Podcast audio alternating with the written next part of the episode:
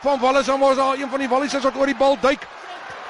Daar word die voordeel gespeel vir Suid-Afrika en hier kom hy na Willie Leroux. Hy maak hom hy wil skop. Willie Leroux is deur 'n gaping en hy hy weer uit te kom. Willie Leroux, jou ratelslang. Jy is net briljant. Hy laat hulle stil staan en hy gaan druk om 20 meter van die hoof van die kantlyn. Die telling groei aan na 30-22. Suid-Afrika is terug in die wedstryd.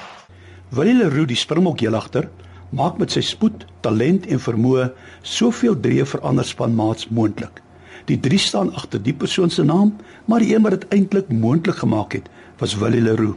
Dit laat my aan 'n ware verhaal van twee Duitse broers, Albrecht en Albert dink, wat in die 1400s in Nuremberg, Duitsland gewoon het. Hulle wou albei graag kuns bestudeer. Hulle was deel van 'n baie groot huisgesin en alhoewel hulle redelik goed geleef het, kon hulle pa wat 'n goudsmid was, nie bekostig om al twee van hulle te laat studeer nie. Albert, die ouer broer sê toe, hy sal in die myn gaan werk sodat sy jonger broer Albrecht sy droom kon bereik. Op die ouderdom van 15 verlaat Albrecht die huis en gaan studeer by Michael Wolgemoed, een van die grootste kunstenaars van sy tyd. Nadat hy sy vakleerlingskap voltooi het, het hy die hele Europa, insluitende Italië, waar die kunste 'n geweldige oplewing gehad het, deurgereis. Mense kon nie glo hoe talentvol die jong man was nie en hy het die een na die ander meesterstuk die lig laat sien. Na 'n paar jaar keer hy terug na sy huis in Nuremberg. Sy pa het 'n groot feesmaal vir hom voorberei. Wat jy kan dink hoe trots was hulle op hom gewees. Waar was ou Boet Albert al hierdie tyd? Onder in die myn, besig om hard te werk sodat Albrecht sy droom kon najag.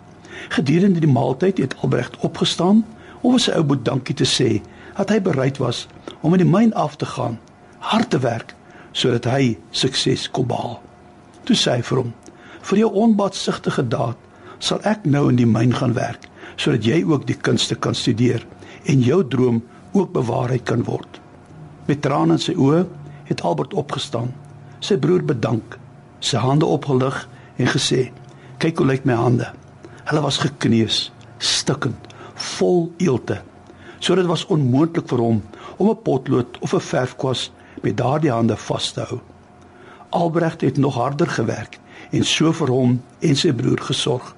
Ter ere van sy broer het hy die prent geteken wat ons vandag ken as die biddende hande. Ek wil jou 'n vraag vra. Is jy bereid om in die myn af te gaan vir iemand wat jy liefhet? Here Jesus, baie dankie dat U gesterf het sodat ons sukses kan behaal.